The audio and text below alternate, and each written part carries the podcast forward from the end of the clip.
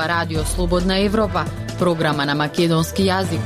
Од студиото во Скопје, Марија Митевска.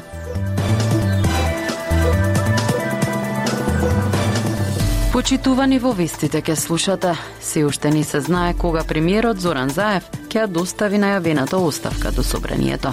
Предлог буџетот за наредната година 4,4 милиарди евра и задолжување од 500 милиони евра, кои се предизвиците на жените кои имаат свој бизнис во руралните средини. Останете со нас.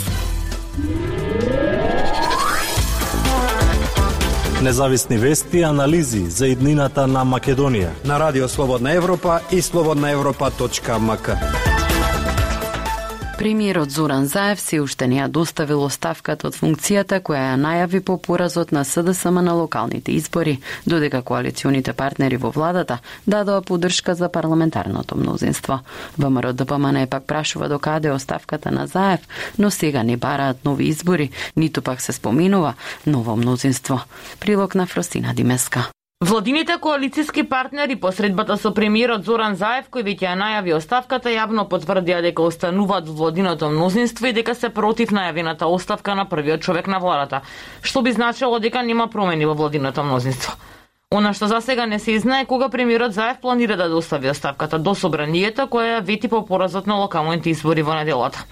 Од владата на прашањето на Слободна Европа дали има временска рамка кога би се случило тоа, не дадоа одговор. Но истовремено опозицијската ВМРО да ДПМН, која е победник на локалните избори, се чини поумерена сега за можноста за ново мнозинство или пак за предвремени избори, отколку минатите месеци. Например, од почетокот на годинава партискиот председател Христијан Мицкоски и неговиот заменик Александар Николовски често тврдеа дека наскоро ќе направат ново парламентарно мнозинство со помалите коалициони партнери на СДСМ. Во март на изненадно свиканата собраниска седница Заев побара да се гласа за доверба на владата и да се потврди дека имаат носинство, за да запреле шпекулациите. Гласаа сите 62 пратеници. Според аналитичарот Албрет Мусли од Асоциацијата за демократски иницијативи ВМРО ДПМН најавите за ново владино мнозинство и ги користеле како маркетиншки трик до изборите, но од друга страна додава тој на опозицијската партија сега и не одговара да дојде на власт. Очекуваат тешки моменти во идните неколку месеци. Евентуалниот почеток на или одржување на првата меѓувладена конференција, предпоставената енергетска криза, инфлацијата, значи сите се тие прашања кои можат дополнително да му наштетат на мнозинството, а да бидат а, нели во интерес на на на опозицијата. Инаку во февруари годинава Мицкоски инсистираше на предвремени парламентарни избори час поскоро, а терминот кој го наведуваше беше заедно со локалните избори. Сега откако завршија локалните избори со повеќе освоени градоначалници за ВМРО ДПМН и премиер со најавена оставка, Мицкоски вели дека за ново мнозинство времето ќе одговори. На многу работи, а дека најдобро би било тоа да биде преку предвремени избори, без да инсистира кога би се одржале. Владимир Божиновски, Институтот за политички истражувања Скопје, смета дека на опозицијата поради изборниот резултат и одговараат брзи избори сега, но дека тие не би можеле да се случат до пролет идната година. Тој вели дека за да се зборува за избори треба да се почека да се види што ќе се случува со оставката на Заев со новото мнозинство, со енергетската криза и со други теми кога ќе правиме избори во зима, не можеме ние да организираме избори во февруари или да организираме избори во март. Не менја ништо месец или два. Не можеме да зборуваме за некакви повлекувања или некакви брзања кога станува збор за месец два. Инаку и во последните соопштенија и пресови на ВМРО ДПМН по изборите, партијата прашува до каде оставката на Заев, но исто така не бара ниту нови избори, ниту пак споменува ново мнозинство. Наши економски проблеми. Ние разговараме за решенија на Радио Слободна Европа. Министерот за финансии Фатмир Бесими го представи буџетот за наредната година, кој според него ќе биде развоен. Се предвидува економски раст од 4,6%. Буџетот за 2022 година ќе изнесува околу 4,4 милиарди евра, а истовремено планирани се приходи од нешто помалку од 3,9 милиарди евра. Прилог на Владимир Калински. Буџетот за следната година ќе биде развоен, оцени министерот за финансии Фатмир Бесими на денешна пресконференција представувајќи го предлог буџетот за 2022 година.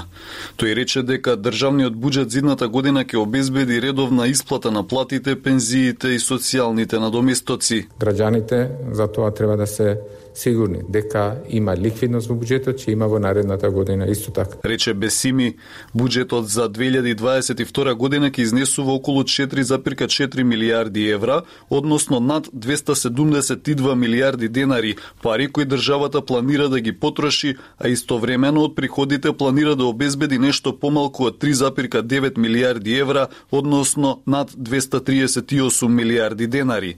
Дефицитот е проектиран да изнесува околу 500 милиони евра, што е 4,3 од БДП, пари за кои државата ќе се задолжи. Овој дефицит единствено ќе се користи за поддршката на позначителниот дел од капиталните инвестиции, кои изнесува 37,8 милиарди денари, откако ќе се финансира овој дел дополнително ќе се финансираат од собствените приходи. Рече Бесими, буџетот беше усвоен во владата и е доставен до собранието.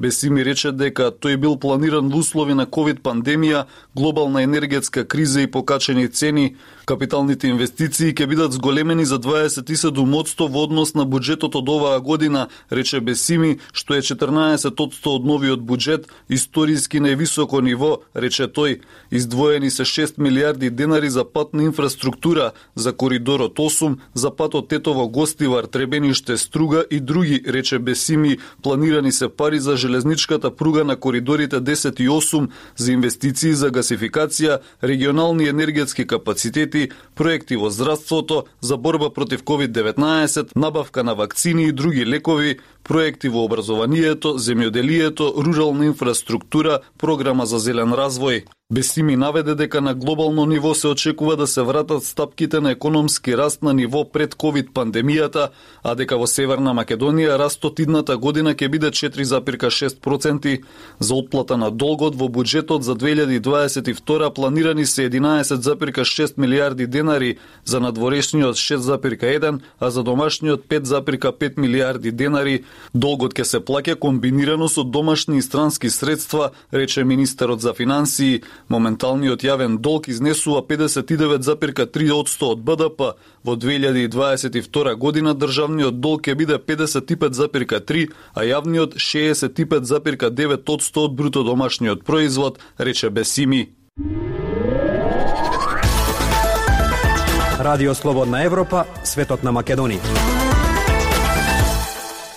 Од производство на млеко и млечни производи, па се до производство и обработка на поседи со лишници, Живка Ѓурчиновска од целото Тумчевиште докажува дека и жените во руралните средини може да водат бизнис. Кога во 2003 година ја отворила фирмата, се соочила со дискриминација од соработниците кои биле само мажи. Прилог на Марија Тумановска.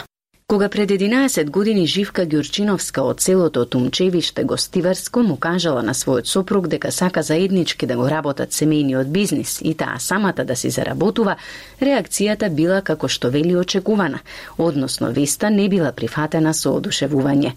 Беше, тензија, се бидете, не биде, па ако еве вака што ти фали, имаш све, бидејќи живеам во мала рурална средина, кај што владееше патриархалното воспитување дека мажот е главата на семејството, тој ги донесува одлуките и тој се располага со буџетот на семејството.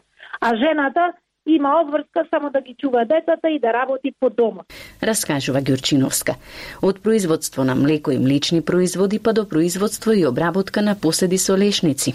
Оваа жена им докажала на своите соселани дека и жената може да биде подеднакво успешна како и мажот. Не толку далеку во истиот крај во селото Беловиште успешно работи млечната индустрија за производство на моцарела и 20 на видови кашкавал по италијанска лиценца чиј кособственик на фирмата е Гзиме Фейзи. Кога во 2003 година ја отворила фирмата, се соочила со дискриминација од соработниците кои без исклучок биле само мажи. Замислите, ти од први со мене нечеа да разговара, само добро утро, а некој ни добро утро, ни добар ден не ми вика и со мои уши јас слушав дека вика мажот ми се вика Нагиб, е што направи Нагиб ќе ја упропасти жена. Вака е жена за за бизнис. Дека учеството на жените во водењето на земјоделски бизниси и стопанства е многу понизок во споредба со учеството на мажите, потврдуваат и од Националната федерација на фармери, откаде посочуваат дека само 5% од жените во руралните средини се собственици на свој имот.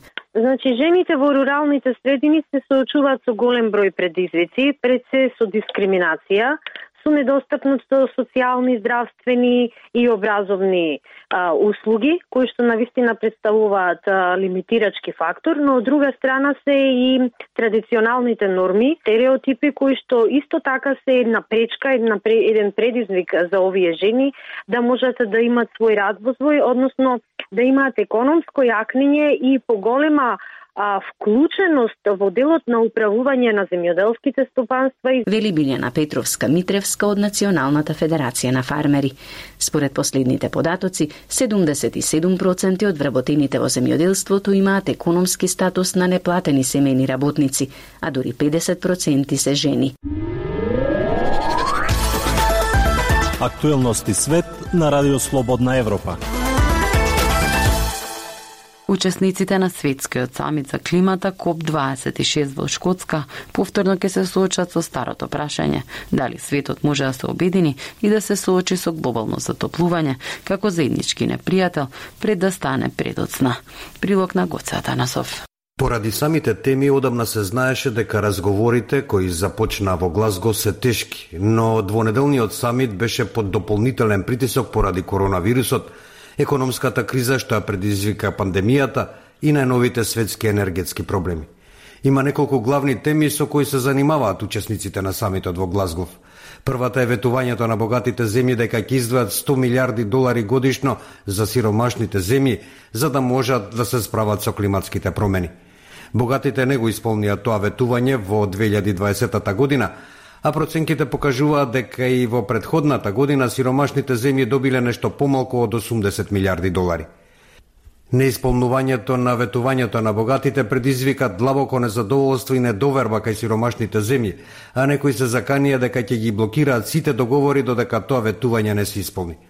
Светскиот институт за ресурси во Вашингтон пресметал дека само неколку богати земји, вклучувајќи ги Франција, Јапонија, Норвешка, Германија и Шведска, дале суми што може да се наречат фер, додека Соединетите држави, Австралија и Канада не го исполниле нивниот удел.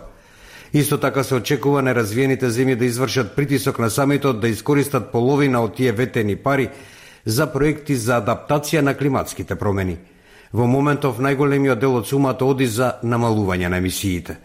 Посиромашните земји исто така инсистира дека е време да се разговара за тоа кој ќе ја плати штетата што ја имаат од подигнувањето на нивото на морињата и екстремните временски настани.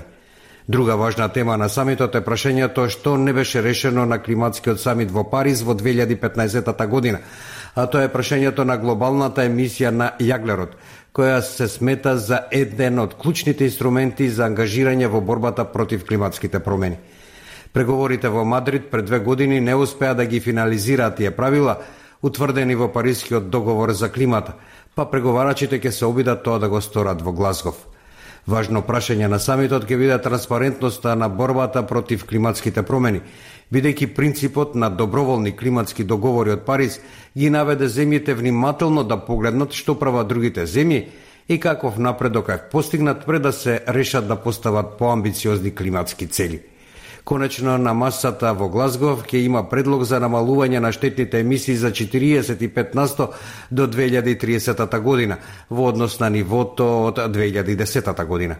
Не се работи за теми за кои ќе се преговара, туку за предлози по чие усвојување самитот на Обединетите нации ќе може да се нарече успешен.